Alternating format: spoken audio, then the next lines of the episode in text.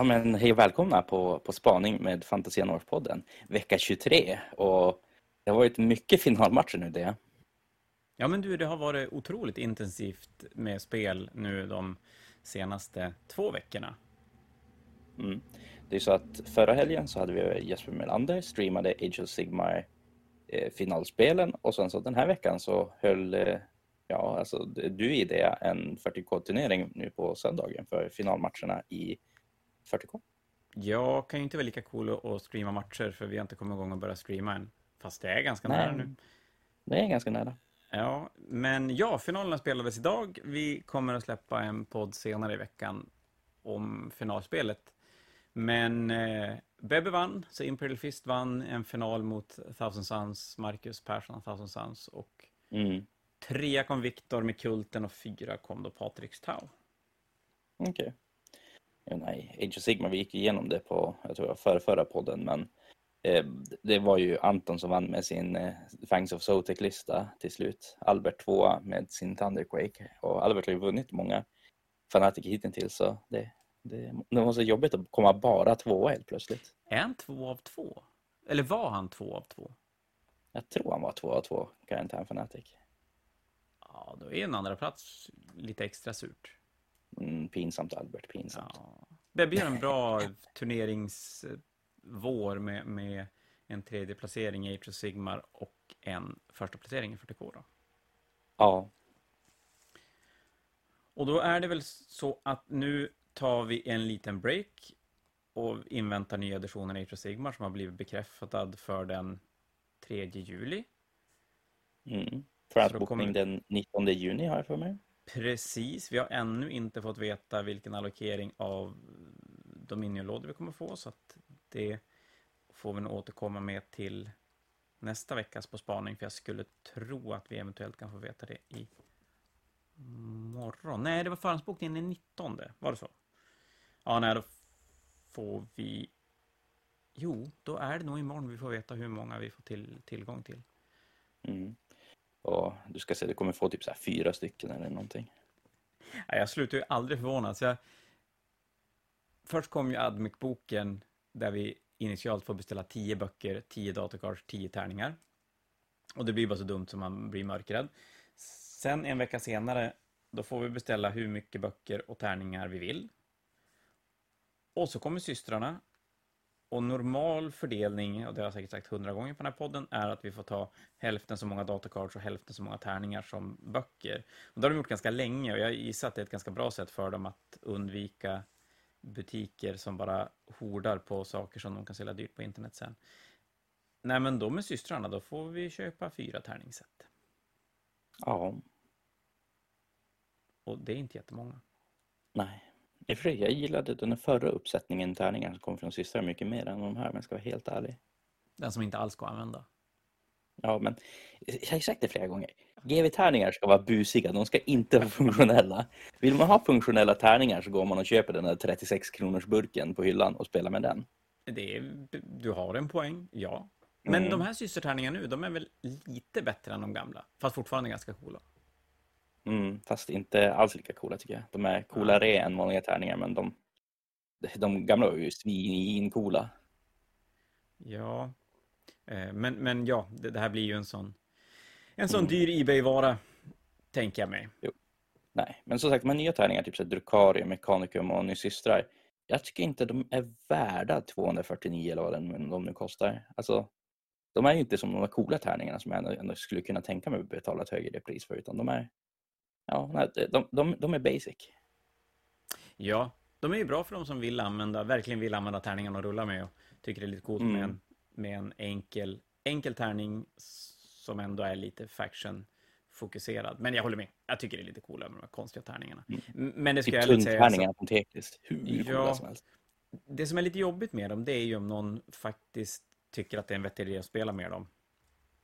För de är ju i det närmaste hopplösa.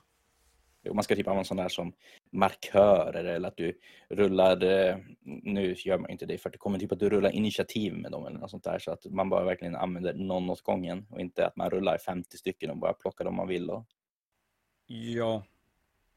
nackdelen är ju att om de kommer från GW så är det ju svårt att använda argumentet att nej, du ska inte spela med dem, du ska bara använda och titta på dem. Så, så det kanske är både och. Men jag håller med, jag saknar, jag tycker de är coola, så att nu, nu ser jag gärna mer sådana. Men då också så att man kan köpa dem om man vill ha dem istället för att måste, ja, jag vet inte, de här tärningarna, jag vet inte om hur fort de sålde slut på GWs hemsida heller, men Nej, jag känner att det finns någon superbra lösning på det, att både ha funktionalitet med coola tärningar. Så nej, vad gör man? kör varannan. Mm, precis. Men Sämsta oavsett, av alla världar. precis. Men oavsett, Dominion-lådan, den, den vet vi fortfarande inte riktigt varken pris eller antal, men nästa på spaning så bör vi ha en koll på hur det ser ut med, med antal till den så, och, och hur pass mycket man måste sitta och uppdatera ja, hemsida, webbshop. Det är något som jag tror ganska många personer undrar. Alltså, säg att man vill bara köpa till exempel Stormcast-sidan. Alltså, vad gör man då? Går man och frågar dig om du har en över eller hur? Alltså, vad finns det för möjligheter? Jag skulle säga att har du en, en lokal game store så är det ju en ganska bra idé att kolla med, med dem eller kolla med communityn om folk vill dela lådor. Jag skulle väl kanske inte rekommendera att skriva på random nätsidor och vilja dela. Det känns ganska bökigt att börja dela om man inte kan sätta sig bredvid varandra och, och plocka isär lådan. Mm. Det, det är väl det jag skulle göra. Sen lär det väl finnas efter den här releasen, som det har blivit lite med GW-grejer nu, att det lär ju finnas jätte, jättemånga som köper dem och säljer dem i bitar. Mm. Men, men det är så svårt att säga före vi vet hur många som kommer att finnas. För de, de la ju upp det precis som med, med Indominus-lådan, att det kommer att finnas tillräckligt. Men vi gör den bara en gång. Mm. Indominus-lådan fanns inte tillräckligt. Men den gjorde de en tillgång. Ja.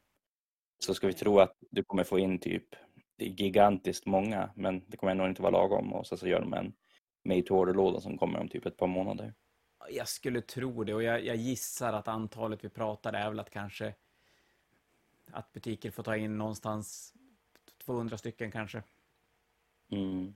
Och, och det är klart, är det så att normalstora butiker får ta in 100 och, och vi skulle kunna få ta in 200 då är det väl så att då, då, då lär den räcka ganska bra. Det, det tror Ja. jag väl ändå. Men folk verkar pepp på den. Men det är ju inte 40K. Och det ska väl ärligt sägas att det är ju fortfarande så att 40K har väl en, en dubbelt så stor community att röra sig med. Ja, om inte mer till och med. Det är fantastiskt många med 40K-spelare. Men jag tror att Age of Sigmar fortfarande är lite, ska vi kalla det nyfött som spel, så att folk som inte riktigt hunnit engagerade sig i det på samma sätt som de har med 40K-universumet. Nej, så är det ju. Och det känns som att GW också jobbar rätt hårt med att hitta sin egen identitet i Age of Sigmar. Mm. Och, och det kan väl kännas som att det spretar lite grann med, med modellrangen när det, när det kommer ena sidan väldigt sådär supergalna Age of Sigmar modeller och sen vid nästa sväng kommer det ganska klassiska fantasymodeller. Ja. Men rangen blir ju bättre och bättre och, tycker jag och arméerna, jag, jag gillar det. Ja, men vi pratade väl tidigare idag om det, om att det låter som att de eventuellt kommer att slå ihop fler Battletomes. Jo, det, jag får ju känslan av, om man kollar typ så Soulblight Gravelord så de har tagit så här allt gammalt, gett en ansiktslyftning och så bara slagit, det är ju och för sig var den ihopslagen förut också, men det är som exempel, och så har bara allting en och samma Battletome. Och nu går det ju rykten om att de ska göra samma sak med dvärgarna, Mm. att det kommer komma nya Cities of Sigmar i form av Free Guild och att Orc Warclans ska få se till sig Cruel Boys.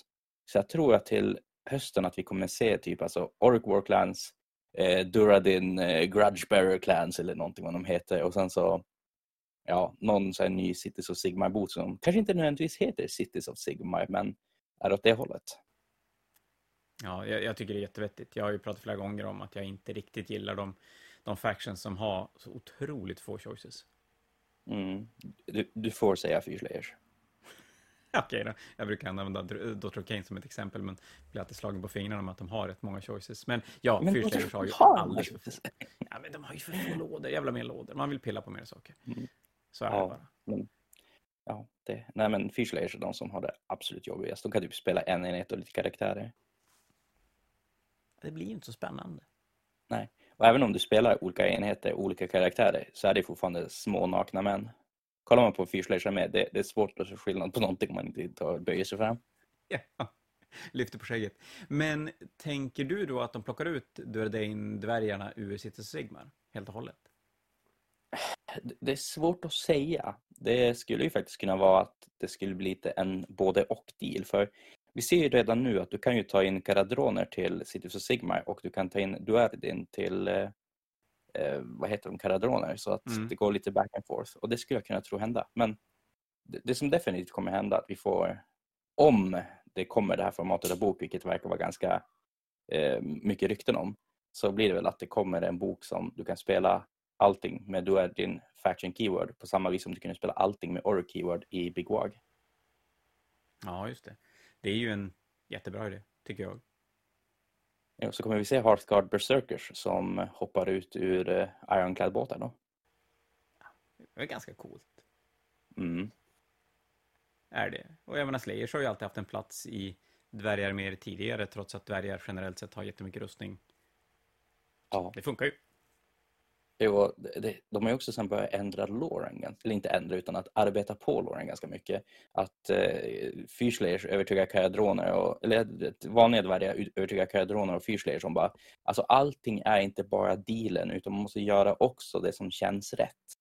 Medan eh, arkanauterna övertygar de vanliga dvärgarna att man kan inte bara gömma sig under berget hela tiden. Ibland måste man rida ut och möta stormen och, och de som delar med sig lite grann så här som kulturellt med varandra vad de är för någonting. Så nej, att dvärgarna kommer börja bli mer enade är det ingen fråga om. Och då är ju en modell som jag är sjukt taggad på att se hur de gör. Grugni har ju börjat dyka upp i Broken Realms-böckerna och han gör ju grejer. Förut var det bara, nej, det är den där dvärgen som håller på att banka ihop Stormcast uppe i Asyr och ingenting annat. Det vore ju ändå fantastiskt coolt om de skulle släppa den. Tycker jag. Det är så svårt ja. att tänka sig hur den modellen skulle se ut. För spontant så här, en stor dvärg är ju inte så himla sexigt. Alltså, en, en hur ska det här bli nu? En vanlig dvärg fast bara större, utan det måste ju som bli någonting speciellt. Men det är frågan om det skulle kunna komma någon sån här Anvil of Doom-liknande modell igen. Mm. Eller en ja. Throne of, vad heter den? Throne of Power, var det så? Anvil of... Uh... Är, det är den här gamla smedjan de hade förut. Ja. Sen före det hade de ju någon snubbe som bars omkring på en tron. Ja, alltså Thorgrim uh, Grudgebear.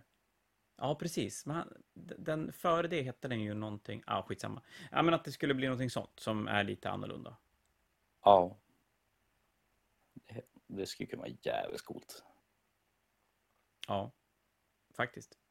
Det som är lite roligt med Age of Sigmar att det är svårare att lista ut vad de tänker göra i modellväg till nya arméer. Jo, för 40K så har de ju ändå som jättemassor med gamla saker att hämta i Lauren men Age of Sigmar kan ju som egentligen bara gå framåt på något vis. Ja, gå framåt och, och använda inspiration från det de har sedan tidigare, vilket jag tycker man ser väldigt tydligt nu i Hobgoblins och ryktade Chaos Dwarfs. Men att de ändå har väldigt, väldigt fria händer till att göra precis vad de vill utan att det sticker i ögonen på folk. Tänk om det kommer typ en Broken Realms bok fast istället så är det de nya enade dvärgarna som slåss mot eh, Kios-dvärgarna. Att de ska ta, ta hand om den ena eller den andra once for all och sen så kommer det jättecoola Kios Dwarf Kits också. Tänk om det kommer en dvärg Broken Realm-bok där de slåss mot alver för att de har eldat upp, alverna eldat upp skägg på dvärgarna. Mm, precis. Och, Maler är ju inblandad på något vis också. Ja, så. precis. Det vore ju helt fantastiskt.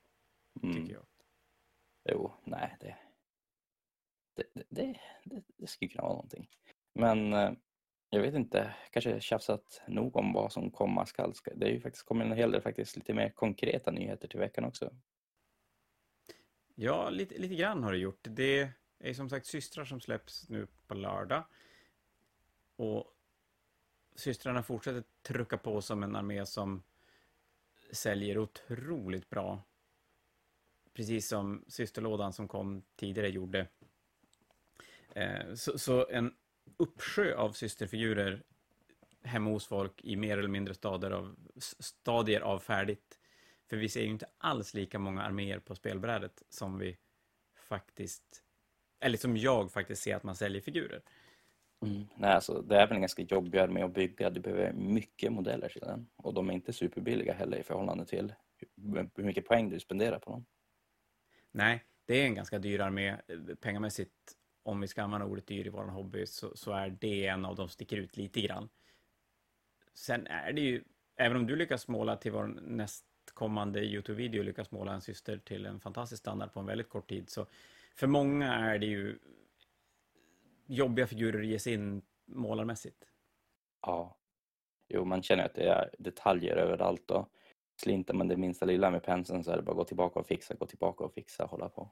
Mm, och jag tror att du måste vara ganska duktig på, på att kunna veta vilka detaljer du kan lämna omålad och vilka du faktiskt behöver plocka ut. För ska du sitta och plocka ut allt, då, ja, då blir du ju aldrig färdig. Nej. Men vad är det som kommer då på preorder nästa vecka? Nästa veckas preorder, eller lördagens preorder blir det ju, är ju jag tycker, lite oväntat. Vi har ju spekulerat ganska mycket och, och nästan så här kommer fram till att det blir orker nu på lördag. För att sen då den, så 12 då skulle det bli orker och så den 19 då kör de igång preordern på, på Dominion-lådan och så kör de två veckor Dominion preorder och så kommer den den tredje.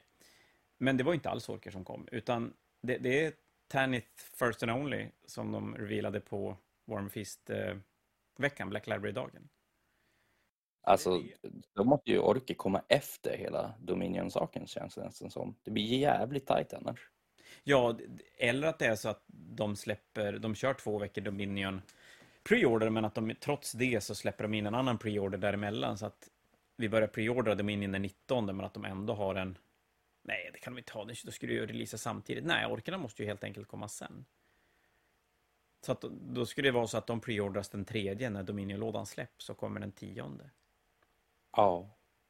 Det, det är lite, jag kan tycka att det är lite konstigt hur de nu förra helgens, eller gårdagens release var då alltså, det var Admec bok. Var det Admec bok? Nej, det var det inte alls det. Det var, vi har fått leverans lite knasigt så jag nästan blandat ihop vilka grejer som kommer när. Nej, det var Kragnos i, igår, eller ja, lördag då, vi, vi spelade in det här på söndag kväll. Och så sen var det tre stora modeller och, och en liten låda. Alltså så sjukt mycket grejer som kom. Och systrarna nu nästa lördag är också otroligt mycket saker. Och sen mm. kommer en sån här helg. Och då slår det mig också, kommer jag på nu när jag pratar, att de har inte släppt systertanken. Nej. Eller standardbäraren med, med missionären. Det är sant. Så kommer allt det där komma efter, efter Dominion, eller vad tror vi är tanken? Ja, jag gissar det. Det känns som att det är väldigt lite tid att släppa in det däremellan och det känns ju jättemärkligt att ha haft tre sådana enorma release-lördagar nu i rad med Admec Bok och Combat Patrols och, och gud vet vad. Och sen Soulblight var ju en ganska fet release också. Och så helt plötsligt kommer en låda där de kanske då kunde man ha tyckt ska släppt systervagnen och den här banerbäraren i samma veva. Ja. Jag menar typ skippa House of Faith och typ, eh, vad heter det, Dire Chasm eh, i det nästa laget och så bara lägga in tanken om banerbäraren i releasen istället. Men, ja. ja. Och i så fall släppa Idoneth-gänget och, och Necromunda-grejerna nu nästa helg. I så fall. Ja, som en liten release typ. Så att nästa lördag blir ju inte super jag vet inte. Alltså gillar man Tanith Ghost-grejerna så är det ju jävligt coolt, men... Det är nog många bittra systerspelare som undrar vars deras coola banerbärare och tanken någonstans. Och ivriga orkspelare som undrar vart deras limited-låda är. Och en del Thousand Sun och Greynight-spelare som skriker högt efter sina böcker. Det, är som de säger, in the 41st millennium there is only war. Absolut. Mm. Jag blir brutalt taggad på systrarna dock nu när jag scrollar igenom. Det är väl Doggy Matan som är lite med, men typ den sakresankt-enheten. Så jävla coola. Ja, det är en... Alltså som du säger, Dogmatan... Vi kan nog enas om att det barhuvade huvudet är faktiskt ohyggligt fult. Med hjälm så är hon ju på sin höjd en sån här med karaktär som, som ja, det känns som att det gör varken till eller från om hon är med eller inte. Men Det här känns som en gammal syster. Alltså gamla typ 10-designen där alla var väldigt mycket stelare. För de har ju verkligen inte gett henne en dynamisk post direkt. Nej. Det är Träna nog en modell som tar växer på en ifall man ser den live. För just nu så ser den ju bara tråkig ut. Ja, nej, den, den är ju jättekonstig. Men då är det bortsett från den så är det ju en helt fantastisk modellrange som systrarna har. Ja. Jag, jag förstår att man kan ogilla Paragon Warsuitsen, men jag tycker de är coola. Och så som Morven Val som är så jävla cool modell. Ja, helt, helt fantastisk. Och där tycker jag, när vi pratar om henne, så, så vi, vi sa ju tidigare om att Age of Sigmar har friheten att kunna släppa lite vad som helst. För det finns inte så mycket lore. Och vi har ju pratat om det här tidigare med, med High Lords of Terra, det känns ju som att de har lite grann att, att, att plocka ur och, och kunna vara ganska fantasifull i designen, för det finns väldigt, väldigt, väldigt lite information om hur de olika modellerna skulle kunna tänkas ut. Men oavsett, det är bra att du gör en systerarmé då, för du saknar ju, du behöver ju en 40k-armé. Jo. Fast jag har ju nästan 2000 poäng på Crimson Fist. Så. Fast Men kom inte fram till idag att det var typ 1000 poäng för du har räknat fel. Ja, något sånt. Ja, nej men det, det får väl bli ett framtida projekt. Jag måste ju göra lite content och fokus nu kring nya Age of Sigma-editionen känner jag. Om det är någonting som är min grej på den här podden. Ja, men jag tänker mig att det kommer att komma ganska mycket grejer kring Age of Sigmar i de närmaste fyra veckorna. Ja, Fem veckorna kanske. Och sen som sagt så är vi ju precis i startgroparna till att kunna börja streama matcher. Vi väntar utrustning från Tyskland. Batteripack någonstans i Sverige och sen, Ja, sen men så det bara exakt. köra. Så, så tanken är väl att någonstans kring editionssläppet så bör vi vara på G att kunna streama matcher och, och kunna visa mer från, från spel som spelas i tavernan. Och det ska bli jättekul. Eh, men jag tycker att vi skulle faktiskt kunna gå tillbaka lite grann till just Dominion-lådan för vi har ju faktiskt börjat få se regler för nästa edition. Och det, det, det kommer vara en bra edition för hjältar och monster. Framförallt om du är en monsterhjälte. Så de som redan är bra nu kommer vara så sanslöst arga i nästa edition. Och då tänker jag typ så här Morati till exempel hon, hon kommer ju slå sönder allting, sönder och samman verkligen. Och Frostlord på Stonehorn och Avalenor, The Stoneheart King från Lumet också. Och de får massor med så extra förmågor de kan poppa som är alltifrån att de får plus ett i save och wound eller att de får plus ett eh, to hit mot andra monster, förstöra terrängbitar, skrika på en enhet så inte den kan ta emot eller ge ehm, vad heter det för någonting, command abilities och grejer. Och ja, nej, det, det kommer vara en monstertung lista som vi kommer se nu framöver tror jag för många. Och det passar ju om det ska vara en Beast-temad, eh, vad heter det för någonting, edition. Ja, det kommer det ju absolut att göra.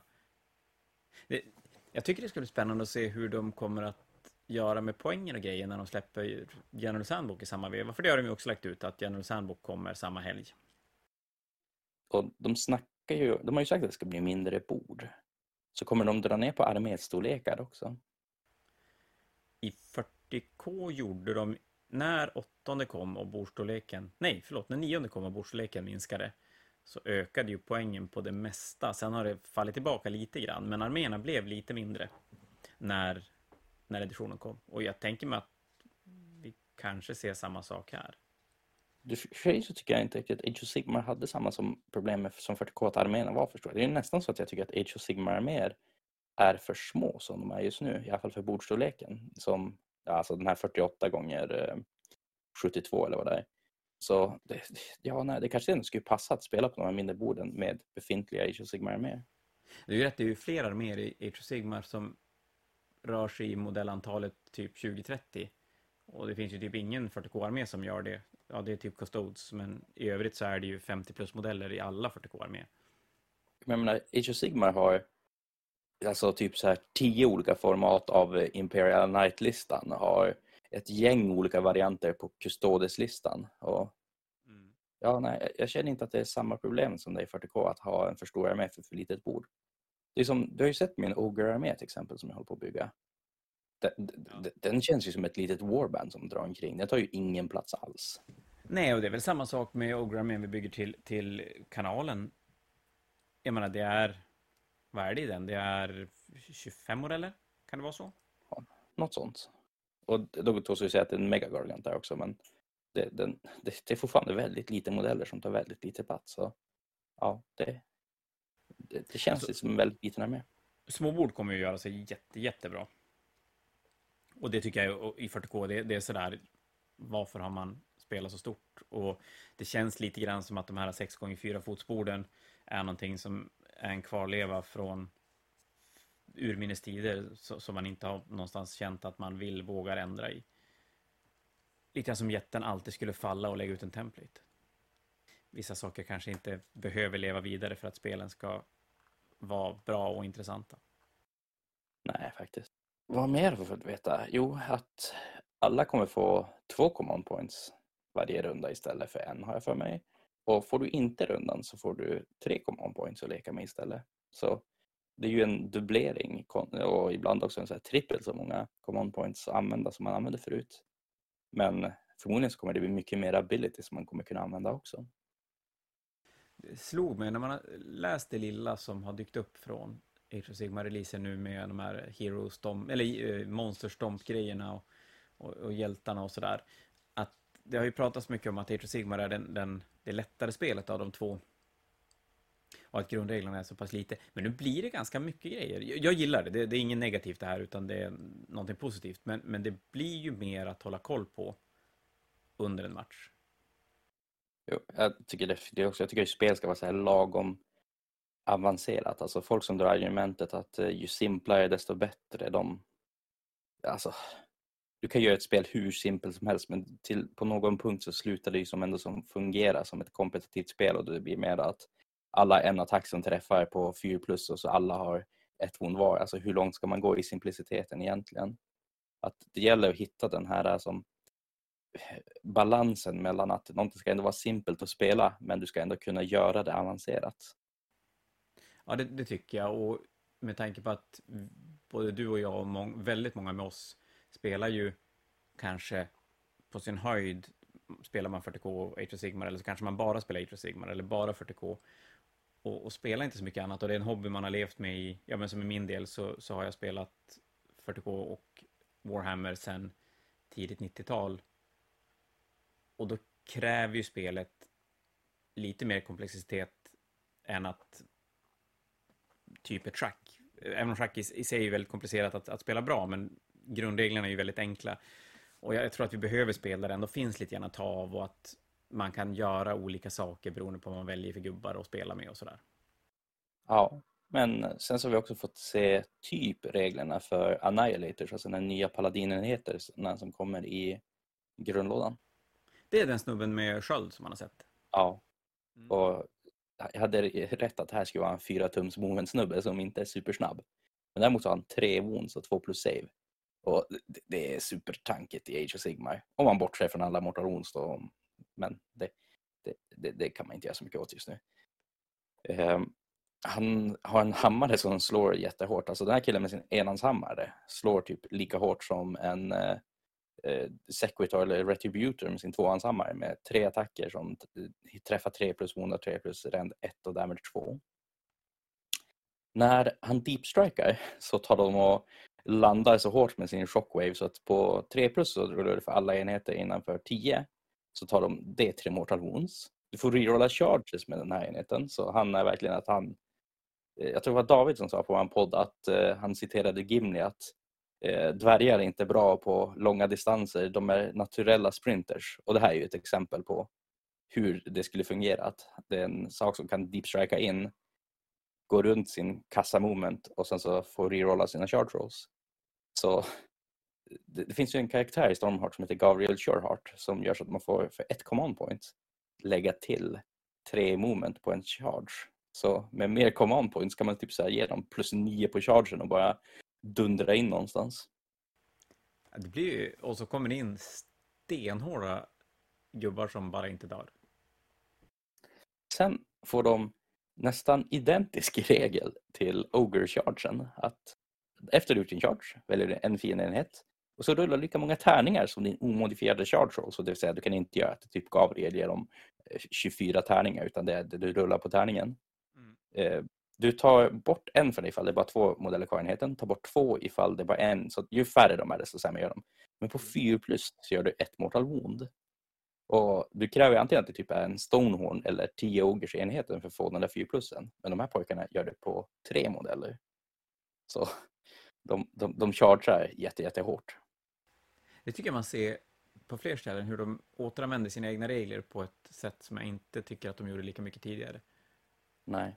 Man såg ju också typ i Soulblight-boken att den här Ogre Chargern kommer, jag bara, de återanvände en ganska busig regel de hade, men nu får jag ytterligare en enhet samma variant av regeln. Och det, nej, det, jag gillar det. Ja. Även om jag kanske inte är så förtjust i flera Mortal Wounds, men det, det, det, här är ett av de vettiga sätten att göra Mortal Wounds på. Det är inte att du kan göra 48 Mortal Wounds i din skyttefas och din motståndare får inte reagera på det på något vis. Ja, det är väl skyttet som är farligast att slänga in massa Mortal Wounds? Ja. När, när du inte har möjligheten att, att ge igen på något sätt överhuvudtaget? Nej, skytte och magi där då. Just att magin har blivit så arg på Mortal Wounds-delen. Ja, nej, det, det, men som sagt, vi vet inte riktigt vad som kommer hända i nästa edition och det kanske finns en tanke bakom varför vi har fått sån motionsinflation i de senaste ja, alltså fem, sex böckerna. Ja, det är ju alltid en intressant tid inför en ny edition när det kommer Army Books eller Codexar precis innan, eller Battletomes. Just det här, vad, vad kan vi se tendenser av som kommer att passa bra in i en ny edition och vad är det som inte är det? Eh, oftast brukar man ju spekulera att ganska mycket sådana saker känns som att det här är som gjort för nya editionen och det visar sig att det är typ ingenting som är det. Men, men någonstans måste det väl ändå vara så att vissa saker är tänkt för att kunna falla bra in i kommande edition. Det kan ju också vara så att det är sjunde editionens 40K där bokinflation på G, att de bara har power creepa sig till döden så att säga. Det, det är ju också en möjlighet. Så kan det absolut vara. Och då kanske det här är ett bra tillfälle att få reboota lite grann. Jo, men det, det, det är inte så mycket de skulle behöva fixa heller. Det är ju typ så här, man kan ju ta och räkna upp att det är eh, Starvenom i Sedafon som gör så att du kan göra mortal, jättemassor med Mortal som är skinks eh, från en Starpriest. Gör om den typ till att på sexor to wound att det får damage 2 istället. Hur vettigt som helst. Mm. Eh, typ du skulle ta zombies, att istället för att på sexor to eh, hit får de Mortal Wounds så att de gör två hits istället. Att de så här, typ håller på att kravla sig över det och kan banka extra mycket eller något i den stilen. Och Lumineth, och där är ju Sun Metal Weapons, framförallt på sentinellerna. Men gör att de inte har den i grund utan de måste sätta igång en spell. Och den spellen gör att de gör Mortal Wounds på 5 plus 2 wound istället så de inte går runt alla så här lookouts och grejer. Och nej, det, det, det, det, det är typ de ändringarna de skulle behöva göra. Och sen så är det väl lite grann att det är magidominans men typ, om man skulle börja med det så skulle ju spelet, alltså jag, jag skulle tycka det var bättre för lite grann grejen med Mortal Wounds att det finns ju inget sätt att spela runt det utan det som bara händer. Och det som inte är riktigt belönande för spelarna att göra smarta spel då, utan att det är bara någonting som ignorerar all line of sight som skjuter 30 tum som gör de där Mortal Woundsen på dig. Det finns som ingenting man kan göra åt det. Det är ju bra om de lägger in möjligheten att stoppa upp det på något sätt. Nu tycker ju GV om att spelen är rätt dödliga. Märker man ju nästan allt de skriver. Jag har inte spelat en Age of Sigmar-match som har gått till typ så här, runda fyra de senaste, jag vet inte, skitlänge. Ja, vi har pratat om det i Comparative 40K-podden också, att de flesta matcher är avgjorda i runda tre. Sen blir det ju skillnad om man spelar ett win-loss eller om man spelar ett 20-0-system. Att ett win-loss, ja då kan du ju helt enkelt bara avsluta där. I ett 20-0-system så kan det ju vara så att du måste lira vidare för den där sista poängen. Ja. Till exempel. En sak, jag satt och kollade på vad som de har lagt ut som ska släppas under releasehelgen. Att det är, man kan köpa regelboken lös och så kan man köpa Dominion-lådan. Ehm, och så pitch, eller Generals Handbook. Men att de ska släppa en Path to Glory Diary och använder sig, eller hänvisar till Crusade-systemet i 40K. Så det verkar ju komma något sånt system i Age of Sigmar också. Jo. Och det är lite kul, för det funkar otroligt bra, eller det är väldigt uppskattat i 40K. Jag har själv inte gett mig in i det, men om man lyssnar på andra spelare så märker man att Crusade-systemet är otroligt uppskattat för, för väldigt många. Mm. Det, det, det är något som jag inte riktigt själv har hållit på så mycket med så jag kan inte riktigt kommentera men tycker man det är kul så är det ju trevligt att det kommer content till det. Det blir ju ett väldigt tydligt sätt att spela spela, att spela spelet utan att spela competitive. Att kunna spela matcher som blir någonting annat. Inte bara att man, man spelar 2000 poäng och inte tycker att man tävlar, utan att spelet blir någonting helt annat. Jo. Och det, det tycker jag. Ja. Nej, men vad har vi mer att diskutera i den här podden? Jag tycker vi ska i alla fall två saker. Ja, men du, det kommer tre nya färger också. GW släpper oh, jättemycket nya färger. De släpper Hobgrot Hide, tycker jag var ett roligt namn. Men, må vara. Eh, det är färger som ska passa in med Orc Rangen som kommer till Dominion-lådan. Nej, men jag tänker att för er som inte har lyssnat på vårt hundrade avsnitt där vi pratar om vår uppkommande turnering nästa år så är det väl en sån här grej som jag tycker att vi kan fortsätta highlighta mest hela tiden. Att den 4-5 juni nästa år så blir det fyra i Stockholm, i Bålsta för att vara mer exakt, arrangerad av Fantasia och Asylum Wargaming. Det kommer mer information allt eftersom året går och vill ni veta mer bara nu på en gång, då ska ni in och lyssna på avsnitt 100 av vår podd, för där går vi igenom så mycket som vi vet och kan dela med oss nu. Och annars är det egentligen bara för folk att hålla koll på våra uppkommande streamade matcher. Ja, och vi kommer ju väl försöka styra upp lite mer turneringar och saker nu när restriktionerna blir lite slappare för covid. Ja, nu kommer det ju från första juli så går det ju att hålla privata arrangemang för 50 spelare. Vilket gör att söndagsturneringar är igång igen för er som vill både hålla i sådana själv och vill vara med och spela här lokalt i Umeå. Så att vi har redan planerat in två Age of Sigmar och en 40K-turnering och Fantasia Fanatic har fått sitt datum så att Oj, nu höll jag på att säga ett datum utan att ha koll på datum. Så om jag tar upp min kalender så ska jag bläddra så jag får det rätt. Vi ska spela den 9-10 oktober. Så blir det Fnatic. Och sen får vi se om det blir en sån 50 på varje sida i gymnastikhallen eller om vi kan vara hur många som helst. Men det får framtida restriktioner avgöra. Ja. Så är det. Ja, nej men det, jag känner att vi har egentligen pratat igenom allt vi ville ta och snacka om nu. Och, alltså, ja, jag vet inte, vi behöver inte fylla på den här podden så mycket mer. Så får kanske lov att tacka för oss för ikväll. Ja, men vi säger tack för ikväll och vi återkommer i veckan med avslutning på karantänfanatiken och sen dyker det upp mer poddar längre fram. Ha det bra allihopa. Hej då!